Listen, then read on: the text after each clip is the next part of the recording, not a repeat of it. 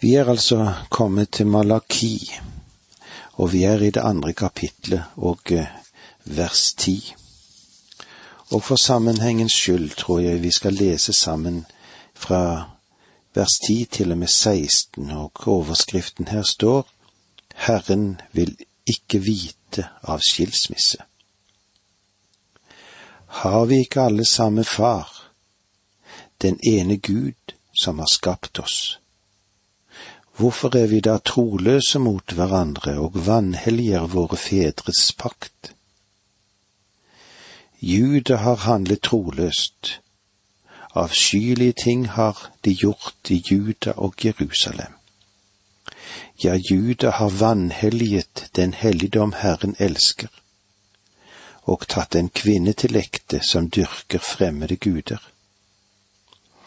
Måtte Herren utrydde Jakobs telt ved retling for den som gjør slikt, selv om han bærer fram offergaver til Herren allers Gud. Og dette er det andre dere gjør. Dere dekker Herrens alter med tårer, gråt og sukk. Men han vil ikke lenger se på gaven eller ta imot deres offer med glede. Og dere spør hvorfor. Fordi Herren er et vitne i saken mellom deg og din ungdoms hustru. Du har vært utro mot henne, enda hun er din ektefelle som du er bundet til ved pakt. Er det ikke en som har skapt henne både med legeme og ånd? Og hva søker da den ene? Barn som hører Gud til. Så vokt dere vel i sjel og sinn. Vær ikke utro mot din ungdoms hustru. Jeg vil ikke vite av skilsmisse, sier Herren Israels Gud. At noen dekker sin kledning med voldsferd, sier Herren allers Gud. Så vokt dere vel i sjel og sinn at dere ikke er troløse. Dette er et veldig kapitteldel vi har hatt for hverandre nå. Her tales det om at alle er skapt av én Gud, og derfor har vi én far.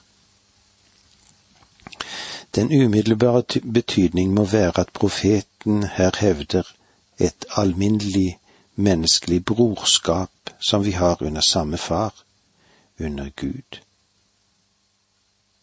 Argumentet med skapelsen sier jo dette og forteller oss dette. Om profeten har tenkt slik, det er imidlertid ikke det mest sannsynlige. Det videre argument går nemlig direkte på jødefolket. Senere kalles også kvinner fra hedenske folk for en fremmed Guds døtre.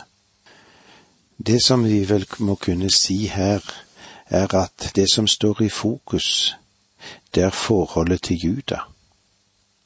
Folket skulle leve som brødre under én far. Men så blir det jo helt annerledes. Pakten fra fedrene, det var den som skulle regulere samlivet, og så er det blitt vanhelliget.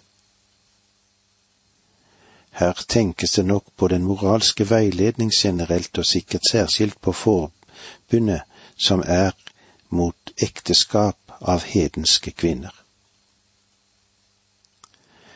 Den første anklage som vi stopper opp for, gjelder nettopp dette. Det utvalgte folk sto i en fare for å miste sin egenart. Og det er ganske mange forhold som kunne føre til det.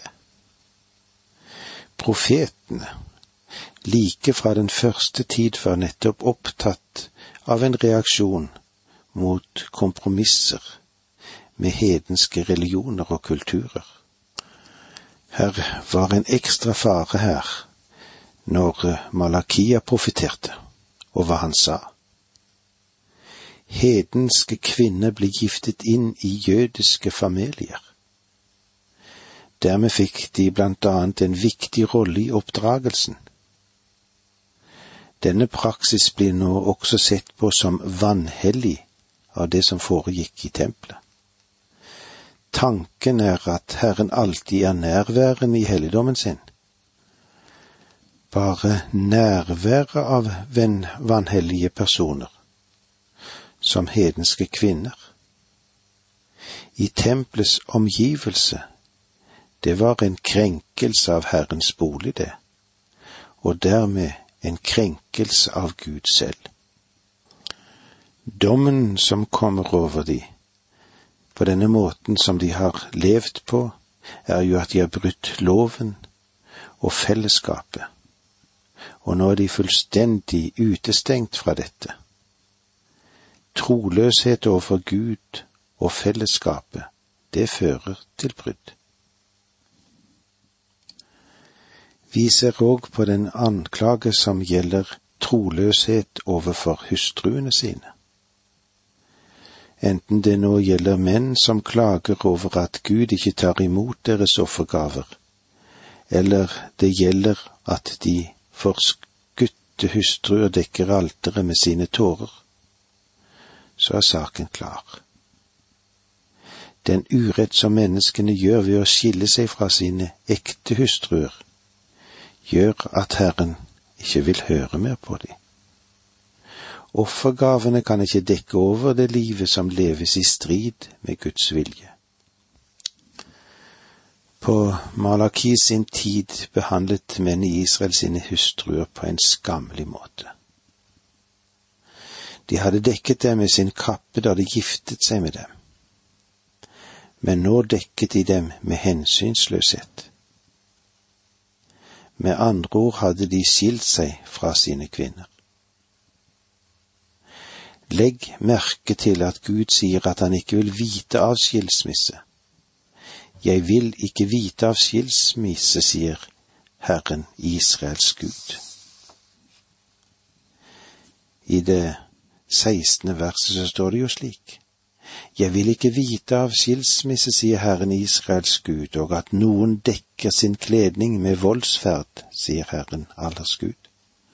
Så vokt dere vel i sjel og sinn at dere ikke er troløse.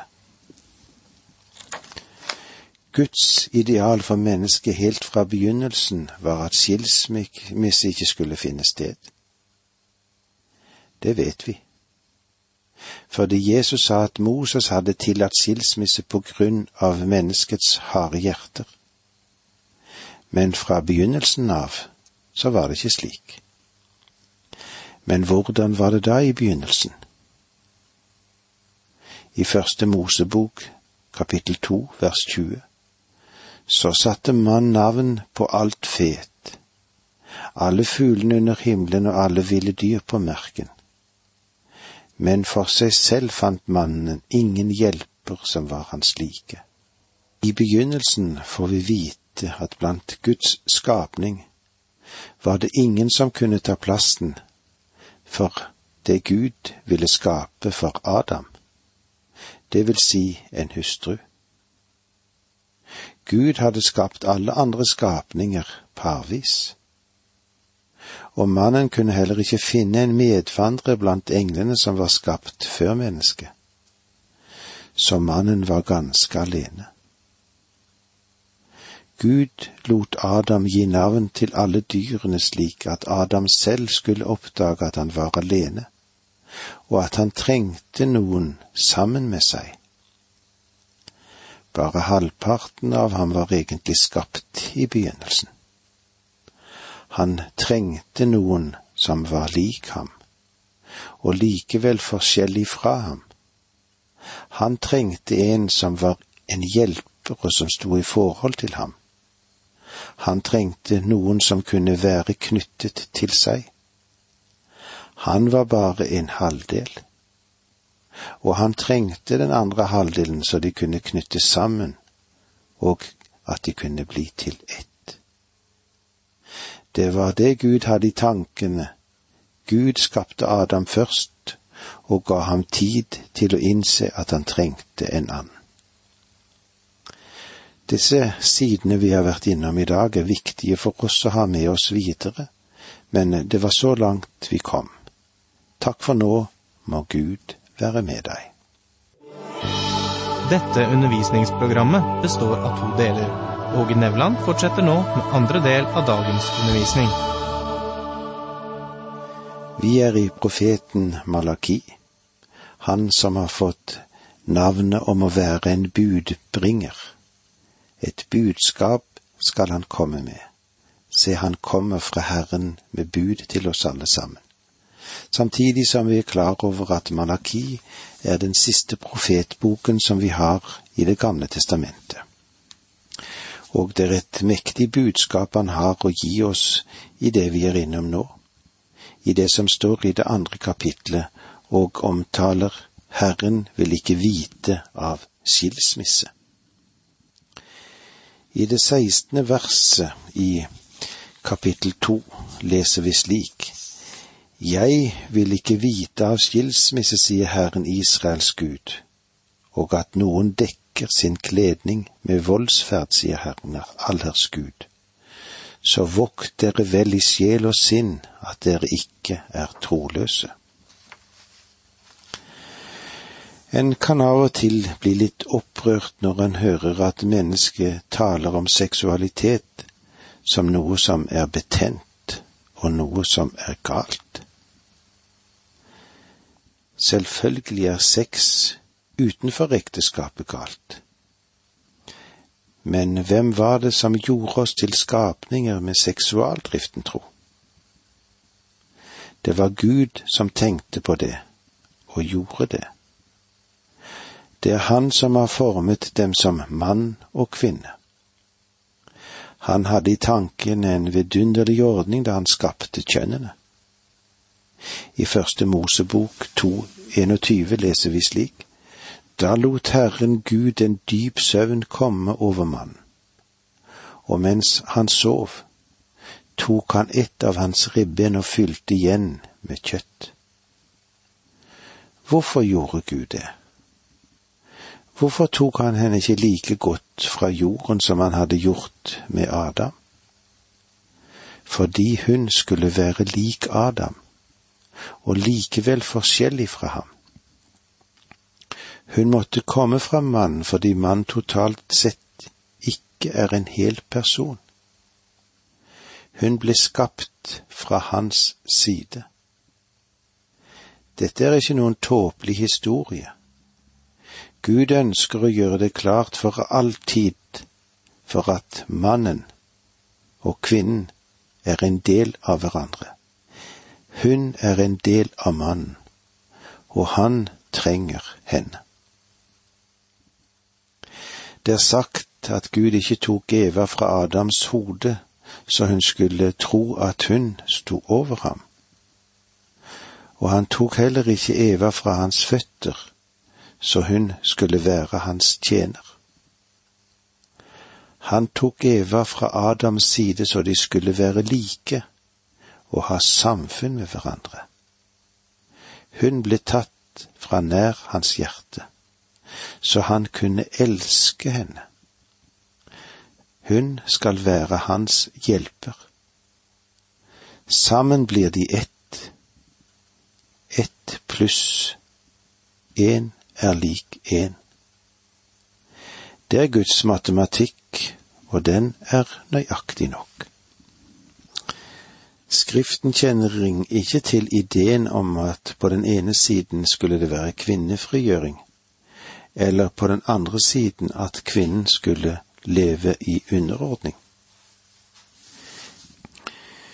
Gud løftet kvinnen på et høyt plan, og det er åpenbart for oss alle sammen at allerede på Malakia sin tid hadde menneskene mistet dette synet.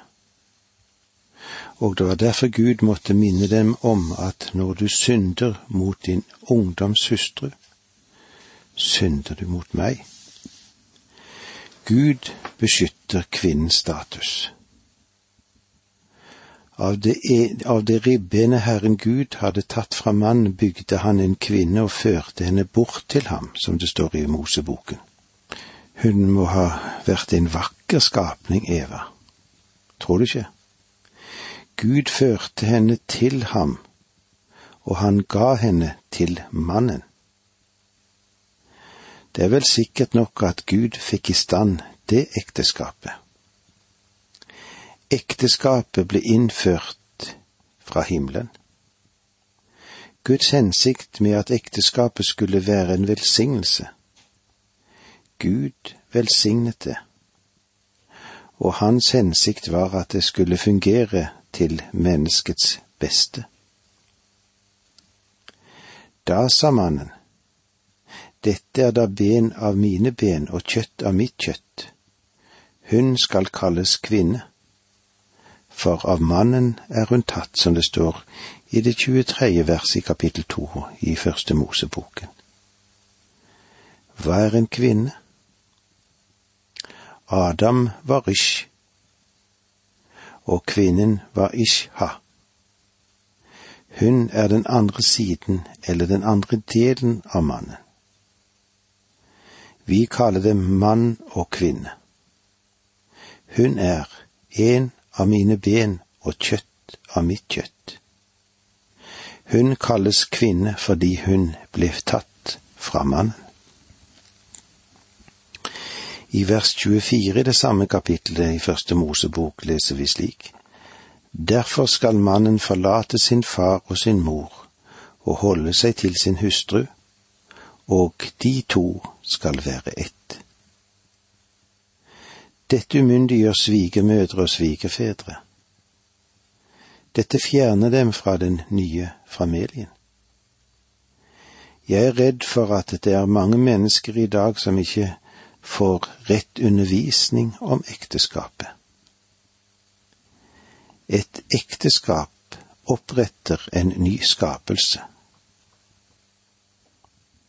Mor og far er ikke en del av denne nye skapelse. Det unge paret har forlatt dem, og de, mann og hustru, skal være ett. Vers 25 i, andre kapittel i første Mosebok. De var nakne, både mannen og hans hustru, men de skammet seg ikke. Dette var før synden var kommet i dem. Ingen så med begjær på den andre. De så på hverandre med ømhet og med kjærlighet. Det var en gjensidig respekt hver av dem kunne med sannhet si, Du er den eneste for meg. Skapelsen av Eva gjorde Adam til en mann, helt og fullt mann.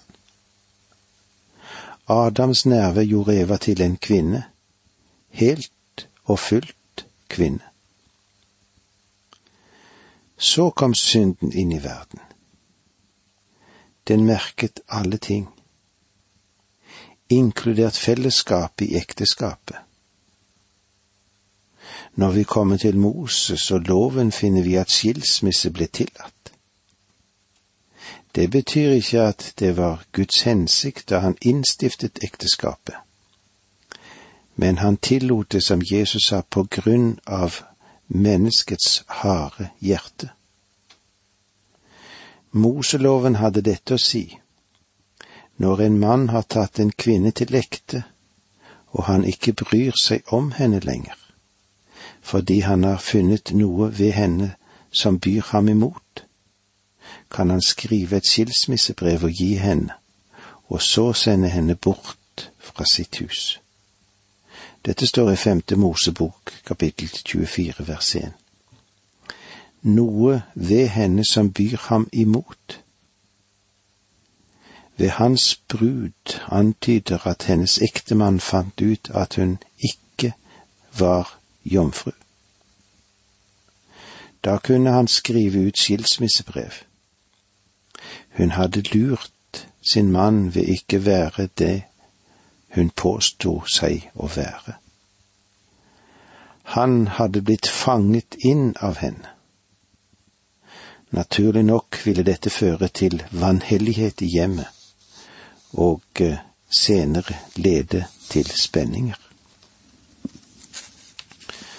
Når vi nå kommer inn i Det nye testamentet så er tolkningen denne. Noe ved henne som byr meg imot. Den er blitt så vid som om kona svidde et brød i stekeovnen, så var det grunnlag nok for skilsmisse. Da Jesus ble stilt dette spørsmålet, er det lovlig for en mann å skille seg fra sin hustru på ethvert grunnlag. Da lærte rabbinerne at en hustru kunne man skille seg fra for selv den minste forseelse, noe som absolutt var i strid med hensikten med Moseloven. Det var også andre retningslinjer for dette i Moseloven. Dette er jo ting som vi vil komme tilbake til. Vi har ikke plass til det i dette programmet, så vi får ta det når vi møtes igjen neste gang. Og det var så langt vi kom i dag.